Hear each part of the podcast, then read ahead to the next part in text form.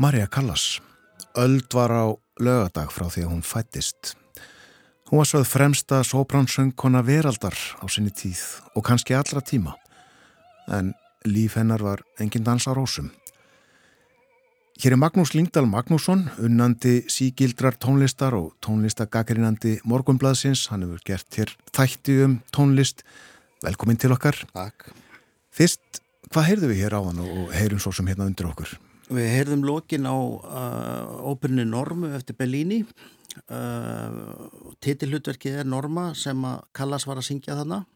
Þetta eru blá lokin og það er gaman að segja frá því að þetta var uh, uppáhaldslutverk Callas. Það sem hún söng svona einn oftast og debuteraði víða með í þessu hlutverki í Normu.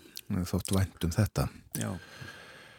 Marja Callas uh, fættist annan desember 1923 í New York í bandarækjunum fangað höfðu fóreldrar hennar flutt frá Greiklandi.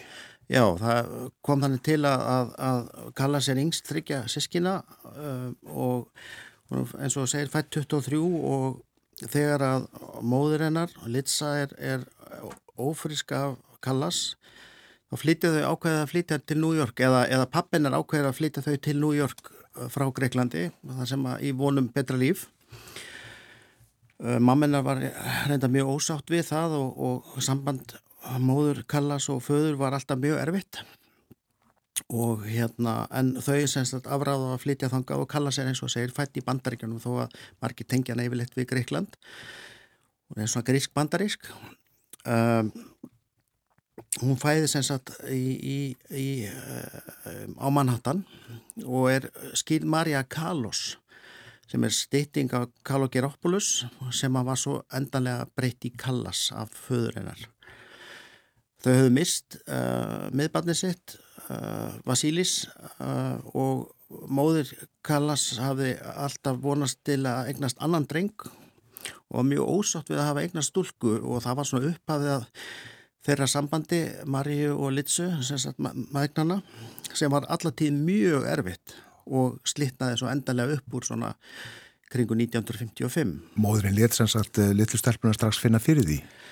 Já, sem sagt fyrir það fyrsta þá var sem sagt held hún meira upp á eldri sýsturuna, Jackie og svo er kallað svona cirka þryggjára eða svona í kringu þryggjára aldur að þá uppgötast þessir, þessir ótrúlega sönghæfileikar eða þessir, þessir tónlistarhæfileikar og, og móðir kalla sig að móðu Maríu leta hann að koma fram mjög oft og að syngja.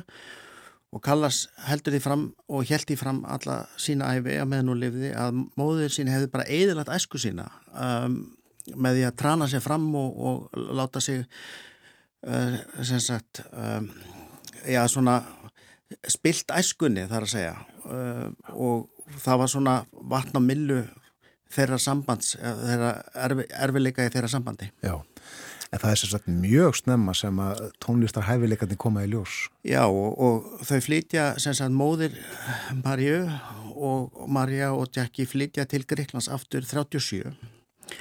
Þá er Marja 13 ára og hún innreitast strax í, í, í tónlistarháskóla þar. Hafði reyndar sótt um uh, tónlistarakademíuna í Aþenu sem er, var álitin svo besta. Komst ekki þar inn en, en, en, en kemst inn í þjóðarakademíuna. Og var alltaf álitin uppalega sem svona kontralt eða, eða allt sönguna það að, en það var fyrsti kennaðin hennar um, Marja Trivello sem að uppgötar að hún er sóbrann eða minnstakosti mezzo-sóbrann með mjög góða hæð og það sem enkendi svona námsferil Kallas var að hún var óbóðslega vinnusum og mætti fyrst í, í, í tónlistarháskólan og fór síðast heim og, söng, já hún söng ekki tíu tíma á dag en hún drakk í sér tónlistina tíu tíma á dag. Já, þá uh, greinilegt að hún ætlaði sér mikið. Ætlaði sér mikið og lagði mikið á sig. Rétt kannski uh, fyrir fólk sem að, uh, ekki veit og ég er í þeim hópi allt og sópran er langt þarna á milli? Já, það getur verið það og sérstaklega kontralt er, er, er lægri uh, greinin í, í allt söngkonu en, en það getur verið mjög langt á milli en það hefur reynda verið um það deilt sko hvernig að flokka Kallas sko sem söngkonu og hún uh, vildi reynda alltaf líta á sig sem svona uppalega mezzo-sopran sem er svona lægri tegundin af sopran með góða hæð aðrir hafa flokkana sem dramatískan sopran uh, en aðrir dramatískan sopran með koloratúr sem er þá það allra hæsta í, í sopran uh, uh, kategóriðinni en, en við getum allavega fullirt að, að, að hún hafi góðan bótt og hún hafði óbúslega góða hæð og mjög breytt ratsöð, þrjá ráttundir. Já, uh, tónlistarhæfleikarnir koma snemmaði ljós, uh, hún fer uh, ótrúlega ung að læra við, við virta akademíu og leggur hart af sér. Hvenna fór hún að vekja aðtikli? Já, sko, hún syngur fyrst í litlu hlutverki 41 á Greiklandi en það er 42 sem hún syngur fyrsta svona titi hlutverki, það er Tosca í, eftir Puccini og það má segja á árunum 40 og 2-43 þá syngur hún mjög mikið á Greiklandi uh, þegar hún fer til bandarækjana 45 þá er hún búin að syngja 56 síningar í sjö hlutverkum 20 koncerta og er bara það að segja, segja sem við getum sagt tilbúin fyrir alþjóðlegan karjér Við uh, tengjum þessa tegum tónlistar við uh, önnur lönd en Greikland. Okkur dettur í hug Ítalija, Östuríki, mm. Þískaland einna helst og svo mm. Bandaríkina en uh, fín óperuhús í Greiklandi eða hvað? Já, það voru það á þessum tíma og hún var með þessast ítalsk kennara í bæði í Þjóðarakademini og svo í, setna í, í tónlistarakademini að þennu og hún vildi alltaf að svona meina að setni kennara sinn, Elvira Hildalgo hafi verið svo svona sem að hafi lagt grunninn að því sem að svo setna kom. Varð hún fljótlega heimsfræg? Já, hún var það sem sagt, hún fætti bandargena 45 að, að sagt, reyndar gegn ráðum kennara sinns hún vildi senda hann til Ítalíu. Uh, hún syngur fyrir á Metropolitan og þeir böðinni mjög svona hvað var að segja, lélegan samning eða svona byrjendasamning uh, sem hún hafnaði fær svo tækifæri til að syngja Turandot uh, titilhutverki í Puccini óperinu í Chicago 46 óperina fyrir á hausin áður en að, að, að, að síningunni kemur. En meðsöngvari hennar þar Nikola Rossi Lemeni uh, sér bara hvers konar fenomenn þetta er. Mæli með henni við ítalskan hljómsveitastjóra sem heitir Tullio, eða hétt Tullio Serafín og það er eiginlega bara svona vatnaskil á, á ferli Kallas að, að, að samband hennar og Serafíns uh, verður til þess að hún er heimsfræð Tölum um uh, heimsfræga Maríu Kallas eftir stuttarstund en uh, hlustum fyrst á aðeins meiri söng hvað valdur byrjur okkur til þess að heyra næst? Við byrjuðum auðvitað Bellini en þá líka beinst við að velja verdi og við ætlum að heyra Dio del Passato er, sem er arja úr þriða þætti La Traviata sem að hún var mjög fræg í því hlutverki við ég löttu.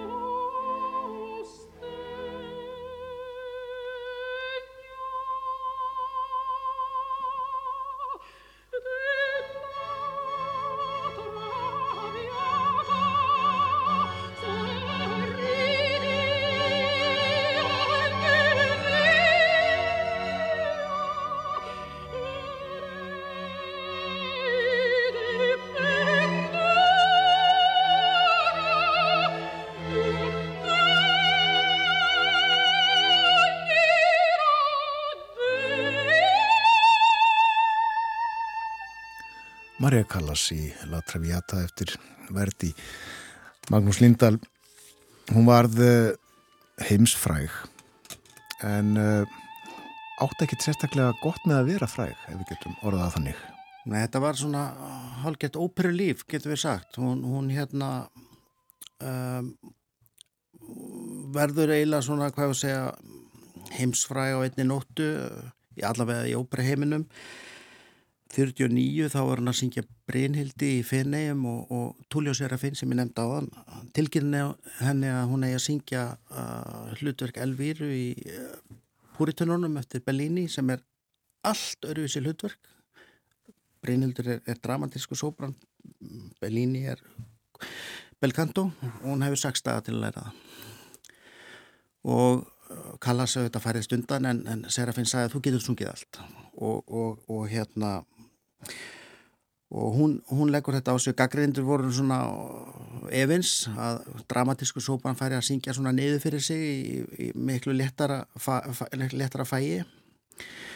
Um, þar sem er miklu lettari rödd. Um, en hún slæðir hann í gegn og, og það verður svona upphafið að, að hennar karjér og, og Svo debuterar hann á skala 51, hún hafði reynda að sungið þar 50 hlaupið í skarði fyrir Tebaldi en, en, en debuterar í Vespress Siciliani 51, London 52, Bandaríkjunum 54 og svo eh, fyrst í Chicago og svo Metropolitan 56 og, og þá likur bara heimurinn af fótumennar. En við getum kannski orðað þannig að henni gekk illa að vera fræg. Það voru alltaf sögur sem fylgdu að hennar svona skapgerða brestum að, að hún hef, væri erfið í samstarfi, hún vildi reynda að meina að hún væri það ekki og, og þeir sem unnu ná, nái með henni voru óbúslega hrifnir að hennar svona músikalitetti og, og hvernig hún undirbjóð sig. Um, það var reglulega rifið upp þetta sambandi með móður hennar og frækt í, í þegar að Time byrti 1955 brót og brefi uh, til móðurinnar sem, sem móðurinnar hefði fallast eftir 100 dólarum fyrir brauði að kalla að henni að fara að vinna eða bara hoppa út úr gluggan sko. um, um, svo eru svona frægir hvað ég var að segja skandalar hún gengur út á Edinborgarháttíðinni uh, hún hættir eftir fyrsta þátt í normu 58 í Róm það sem að Fosset Ítalíu var meðal áhörenda og og þá verður til svo saga að, að, að það sé best að sjá Kallas bara á generalpröðinu því hún kansilir alltaf á, á, á aðaltónlingunum og svo endar þetta með að 1958 er hún rekin af Metropolitan og það kemur bara í heimspressinu Bing rekur Kallas. Svo fyrirsögn, Rudolf Bing var það óperustjóri og það kom til að því að, að hann hafi viljað láta hann að syngja tvö mjög ólík hlutur, það sem við heyrðum hérna Violettu í La Traviata og svo dramatísk hlutverk lafði Macbeth í, í, í, í samnæmdur óperu Verdís. Um, og þá Kalla sagði þess að þetta verði það ólík hlutverk að hún geti ekki sungið með nokkra daga fyrirvara, nefn nokkra daga millibili segi og rött sín væri ekki lifta þannig að það sem sagt um, uh, svo Hallar hundan fæti hún hafi gifst 1949 og uh, Menigini sem var svona ítalsku, innjöfur um, það hallar undan fæti í þeirra hjónabandi og hún tekur saman við, við áðurna hún skilur formlega um, við Aristótel og Nasis Skipakong. Skipakong sem svo sem, þeirra hjá, samband varir í 10-11 ár sem að fer svo frá henni fyrir Jackie Kennedy. Og það er svona síðast í naglin í í svona líkistu uh, hennar hvað var það að koma fram og, og, og, en svo reyndar gerist það líka sko upp úr 55, 6, 7, 8 og þá fyrir öllin að dala mjög mikið. Og þótti alltaf afburða góð leikona og uh, var stundum líst sem fyrst og fremst leikona en það er ekki rétt, hún var fyrst og fremst tónlistamæður og stórkoslega listamæður um, en röttin dalar og 65 syngur hún í júli síðasta skipti á sviði, sem sagt uh, óperusýningu, það var í London, það var í Tosku og er bara óhæmingisum frá því. Já, og uh, hún deyr 1977, síðustu árin, uh, þá er hún eiginlega bara einn, er það ekki? Já, hún einangraði sér mjög mikið, hún, hún kendi reyndar uh, masterklassa við Juilliard 70, kringu 72 og fer svo í uh, tónleikaferðum heiminn, Söðu Kóri, Japan og, og Breitland 73 og 4 með uh, manni sem hún hafi sungið oft á móti, Giuseppe Di Stefano. Og það var algjörlega mishefnaður tónleikaferð og röttin bara búinn og, og hérna það var svona Um, var henni mikið áfall og hún var reyndar þannig að hún þóldi ekki eigin rött, hún vildi ekki hlusta á upptökum með sjálfur sér og hún kom sér ekki í að hlusta á upptökur af þessum tónleika, þessar tónleikaferð þær eru til en það er eitthvað sem maður spilar ekki Nei. Og uh, bjóður það ekki síðust árin í París? Bjóð í París og deyð þar og það er til frægmyndafinni í stræt og það sem hún setur í einn aftast og yfirgefinn og það er bara allur svona lífsþróttur farin úr henni. Ég saði á þann að uh, hún var á uh, sínum tíma talin uh, fremsta óperusöngkona þess tíma. Uh, sumir segja uh, allra tíma. Hvað vil þú segja um það? Já, sko, kalla sér enda þannig að, að til að einfalda það mjög mikið, rættinni svona eins og kóriandir, annarkot elskar það eða hattar það, sko. Um, Uh, sömur bara þóleiki kallas aðrir dyrkana, ég er einn af þeim um, hún er ennþá með það eru 2 miljónir hlustenda streyminni á Spotify hverju mánuði um, það er bara Pavarotti sem er fyrir ofanana og hann er kannski ennþá fræðara nafn. Um, en hún er svona erki típan af dífunni og ef að ef fólk er að hérna uh, minnist óperusöngvara þá er Kallas allavega eina af þeim allra frægustu. Þakkaði fyrir að vera með okkur á morgunvaktinni Magnús Lindar Magnússon og segja okkur frá Maríu Kallas